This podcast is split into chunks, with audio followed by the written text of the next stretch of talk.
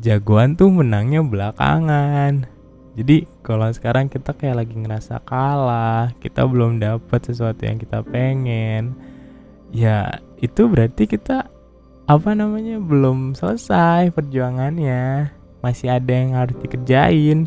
Ibarat kalau kayak superhero jagoan gitu kan uh, kalau misalkan lagi galak lagi kalah dia bisa lagi mundur tuh lagi mikir gimana ya caranya gue bisa menang biasanya dia lagi upgrade tuh lagi upgrade entah itu senjatanya entah itu ya pokoknya banyak kalah mempersiapkan untuk dia bisa menang lawan musuh terbesarnya.